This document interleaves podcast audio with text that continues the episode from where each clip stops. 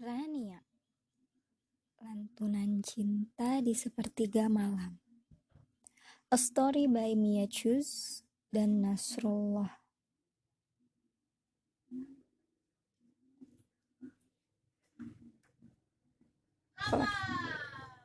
Part 1 Lantunan dari Surga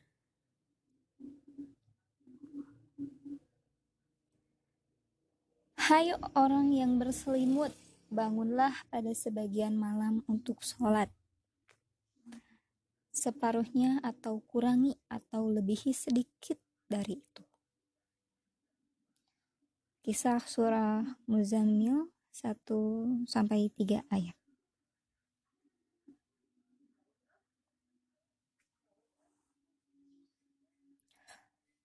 Tuturan bagai buluh perindu ia tidak akan pernah melupakan suara itu. Indah bagai lantunan dari surga. Tahun 1996, sepertiga malam, suara jangkrik lembut bersahut-sahutan dengan tarian batang pohon bambu. Angin dingin sesekali berembus, menambah harmoni perpaduan bulan sabit dan gunung salak nan agung, nan anggun. Gelap. Hanya siluet ancala dari cahaya bulan yang redup. Bintang tampak terang, lebih jelas dari langit Jakarta yang kelabu. Di kaki Ardi, beberapa bangunan menjadi saksi kisah cinta di penghujung malam. Rania tak pernah menyangka ini akan menjadi malam terindah yang merangkai semua cerita. Cinta kepada robnya dan cinta pada seorang makhluk ciptaannya.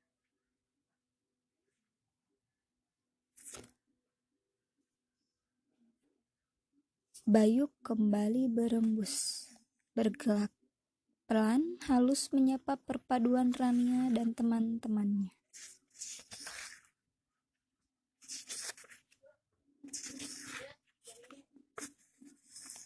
Kamar yang diperuntukkan untuk empat orang ini tidak berpendingin udara atau kipas angin.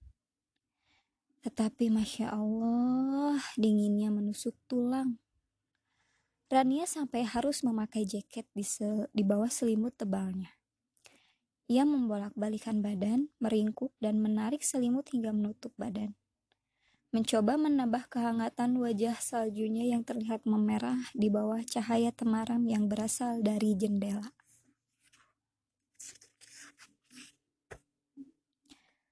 Perlahan kelopaknya terbuka. Melihat Weker mungil hadiah ayah tercinta, Pukul tiga pagi, setengah sadar Rania bangkit duduk, berdoa dan secepat kilat menggosok kedua tangannya mengais kehangatan. Sebentar lagi tahajud bersama di masjid akan dimulai.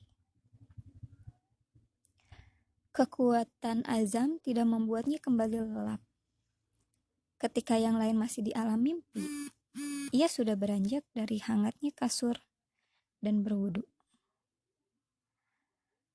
Air sedingin, sedingin es menyapa kulit putih nan lembut Rania. Suara gemericik menambah in, rasa indah yang akan ia rasakan.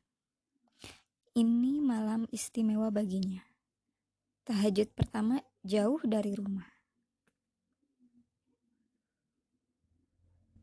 Zi, Zia, Bangun. Rania menggoyang bahu Zia pelan. Selesai wudhu, ia kembali ke kamar untuk membangunkan sahabatnya. Zi, sudah mau mulai tahajudnya. Zia bergumam tidak jelas, masih dalam pengaruh mimpi. Zia, Rania mencoba sekali lagi. Kali ini lebih kuat goncangannya.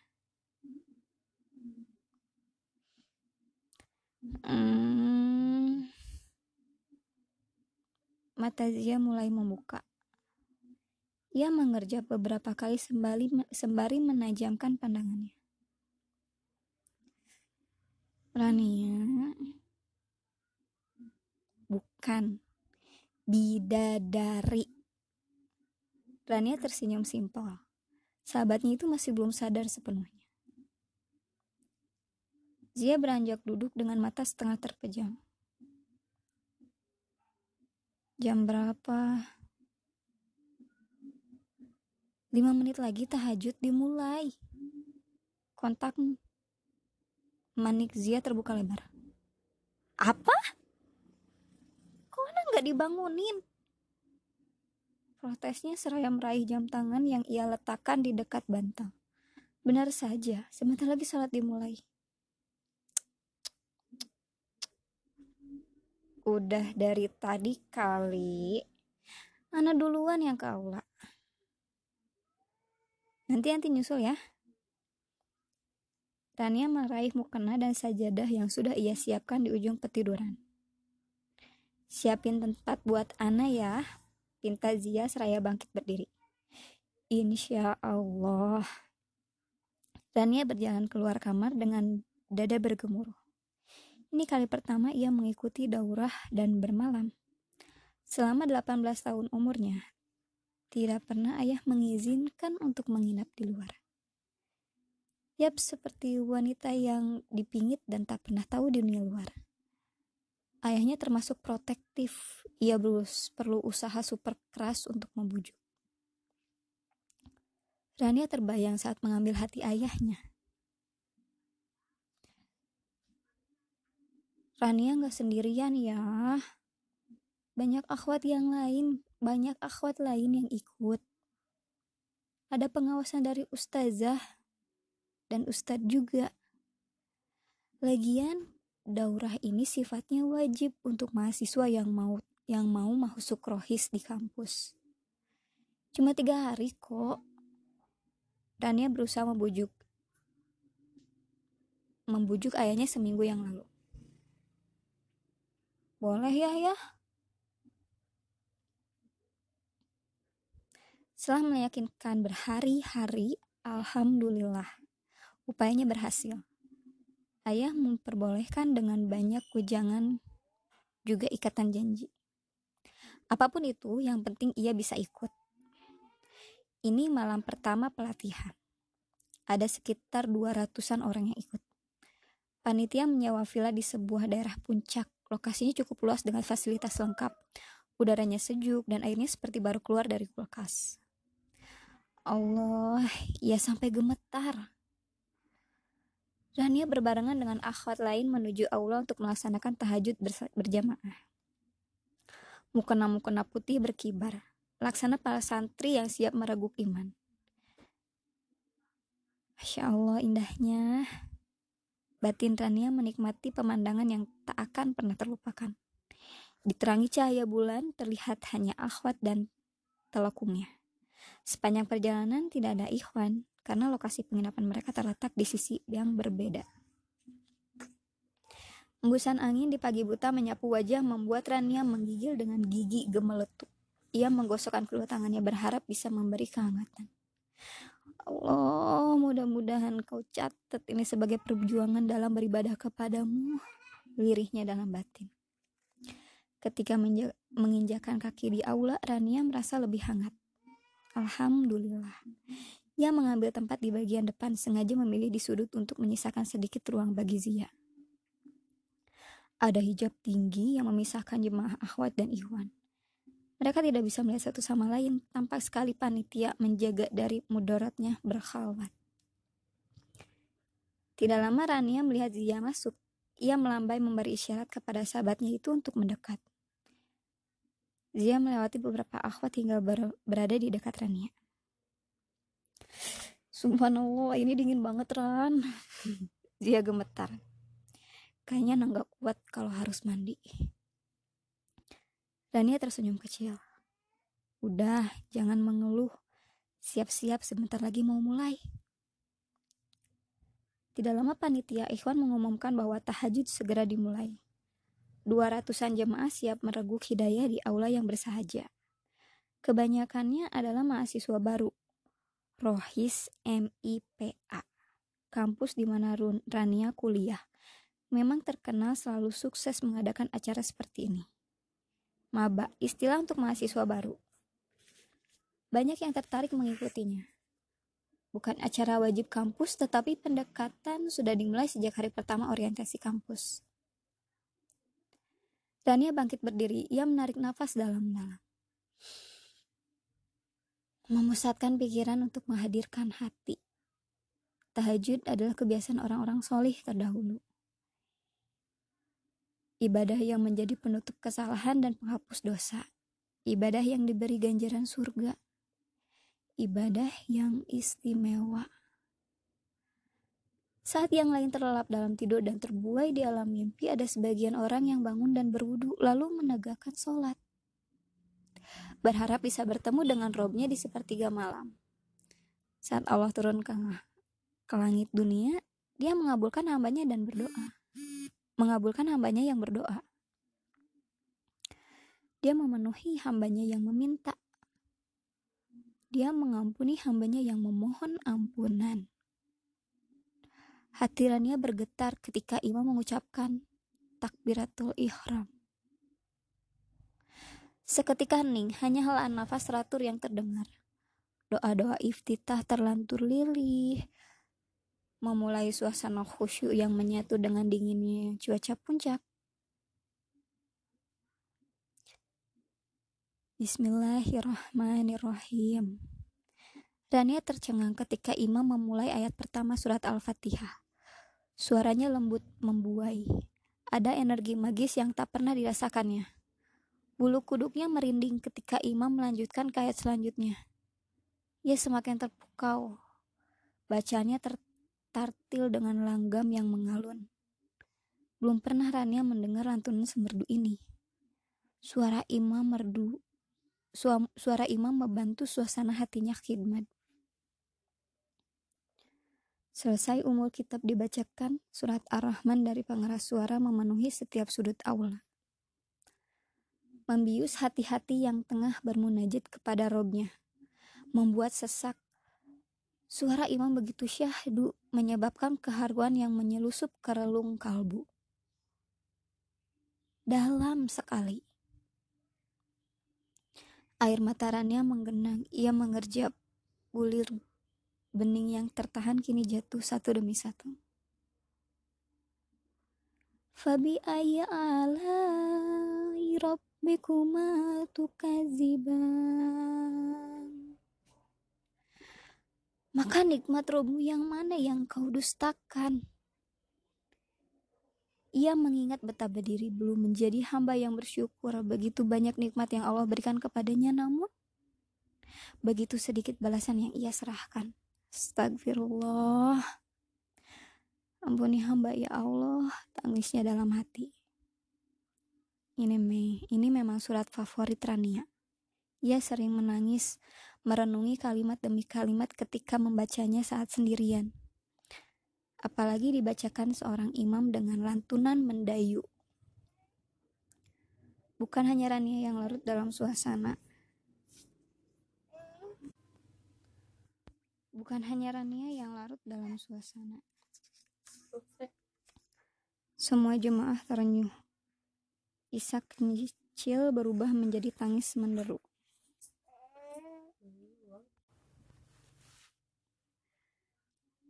Hazihi jahannam Hazihi jahannam Tangisan tumpah ruah sang imam membaca ancaman Allah itu berkali-kali. Rania bergetar merasa bahwa ancaman itu ditujukan padanya. Kufur nikmat akan berbalas siksa dari sang, dari sang pencipta. Terdengar sesenggukan suara imam. Sedikit tertahan, lalu melanjutkan ke ayat yang merinci surga. Rania menyeka pipi dan hidung yang basah. Isak jemaah semakin lama terdengar jelas. Bagai lebah yang bergerombol, berdengkungan kuat, bergema di segala penjuju, penjuru alua. Membuat siapa saja yang mendengarnya merinding dan ikut hanyut.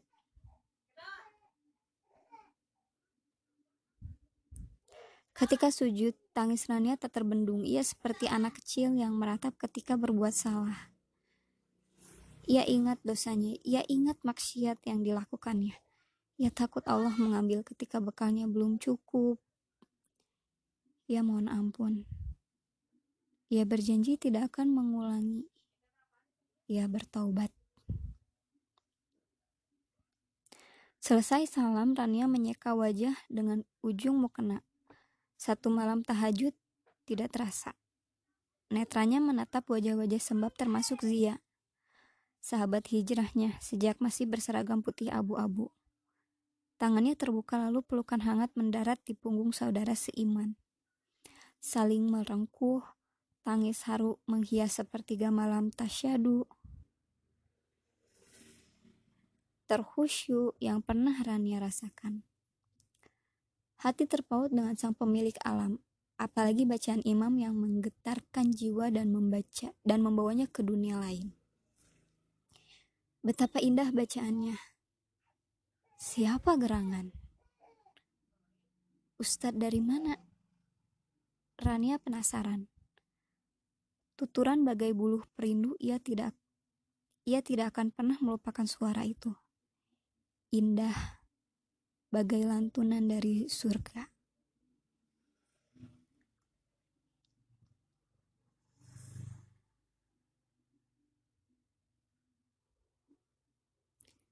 Lagi mikirin apa, Ran? Tanya Zia melihat sahabatnya termenung di atas kasur.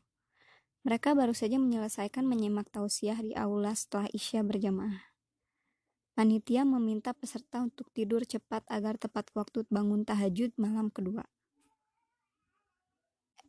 Eh, enggak. Rania sedikit kaget. Padahal ia sedang memikirkan apa yang menjadi siapa yang menjadi imam sholat tahajud malam sebelumnya. Yakin, canda Zia. Yakin. Rania memasang wajah serius. Masih penasaran sama imam tahajud semalam? Tebak Zia. Rania mendengus. Ia memang curhat kepada Zia tentang rasa ingin tahunya. Udah ah, tidur. Nanti telat bangun lagi. Ia merebahkan tubuh di kasur. Zia merengut. Ia mengikuti gerakan Rania dan menarik selimut. Dari lisan Rania mengalir ayat kursi dan tiga surat terakhir dalam Al-Quran. Amalan sunnah yang tidak pernah ia tinggalkan sebelum tidur setelah sebelumnya berwudu. Ketika selesai, ia meniupkan ke tangan, lalu membasuh wajah dan ke bagian tubuh yang terjangkau. Terakhir membaca doa dan menguatkan niat untuk bangun tahajud dini hari. Tak sabar ingin kembali mendengarkan suara imam dan bermunajat kepada sang pemilik malam.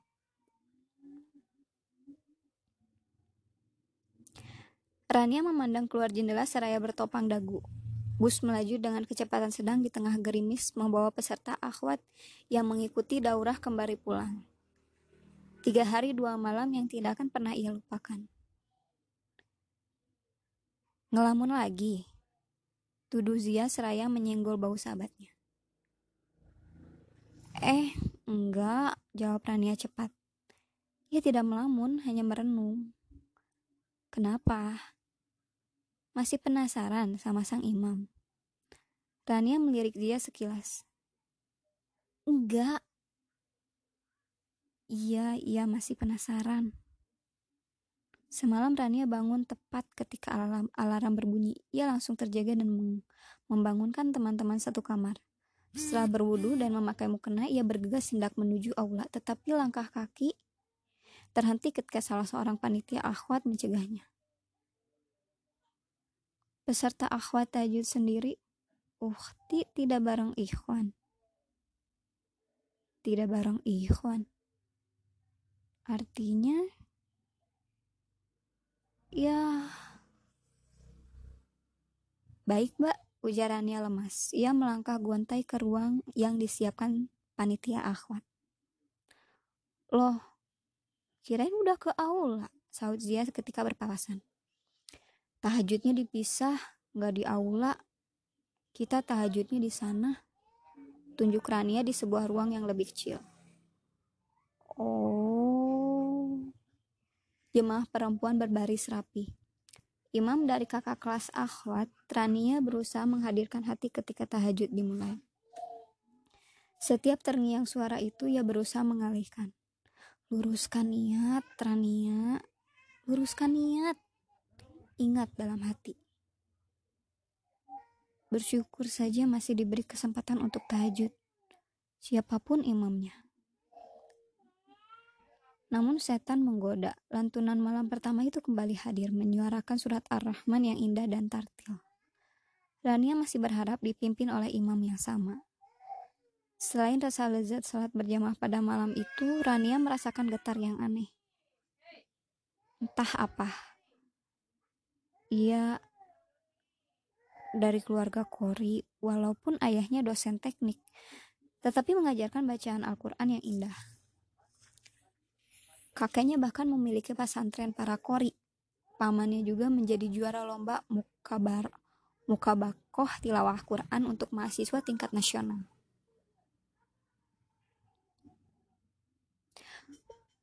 Wajar Rania menyukai bacaan yang indah, tetapi ini lebih dari sekedar itu.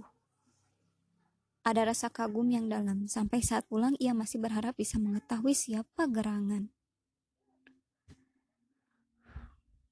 Udah Ran, celetuk Zia. Gak usah dipikirin. Ingat tujuan awal kita. Daurah ini untuk apa? Rania menarik nafas. Ana gak mikirin kok. Cuma kepingin tahu aja. Zia tersenyum lebar saya mencubit kecil pipi putih Rania yang kemerahan. Sama aja kali. Hening beberapa saat. Rania mengembalikan pandangan ke jendela yang berembun. Bus melaju menerobos gerimis. Tapi Ustadz mana ya? Apa senior tingkat akhir? Zia berkomentar. Nah, kan Rania menoleh dengan perasaan senang karena sahabatnya itu juga penasaran. Menurut Ana sih, Ustadz soalnya suaranya dewasa gitu. Sok tahu Rania mencebik lihat saja nanti siapa di antara kita yang benar? Hmm. emangnya nanti mau mencari tahu? Mata Zia menyipit. Rania hendak mengangguk tapi ragu nggak hmm, tahu deh gimana kalau kita tanya sama Mbak Mbak Nisa aja Usul Zia seraya melonggok ke bagian belakang bus, mencari Nisa. Ih, apaan sih? Rania menarik lengan Zia mencegah dari melakukan sesuatu yang bisa membuatnya malu. Gak usah, elak Rania. Nisa adalah senior mereka di Keputrian Rohis kampus. Zia mendengus. Yakin? Nggak mau tahu. Rania tersenyum sempul. Ia kembali menatap gerimis yang berubah menjadi deras melalui jendela. Dingin, ia merapatkan jaket. Benaknya mendidik diri, bersyukur atas tiga hari yang indah, bersyukur atas banyaknya ilmu yang didapat dalam daurah ini, bersyukur atas tazud yang syahdu. Walaupun kepergian ini melahirkan misteri, sekarang ia belum tahu siapa pemilik suara. Tetapi suatu hari pasti akan bertemu. Entah kenapa hatinya semakin itu. Subhanallah. Istighfaran batinnya.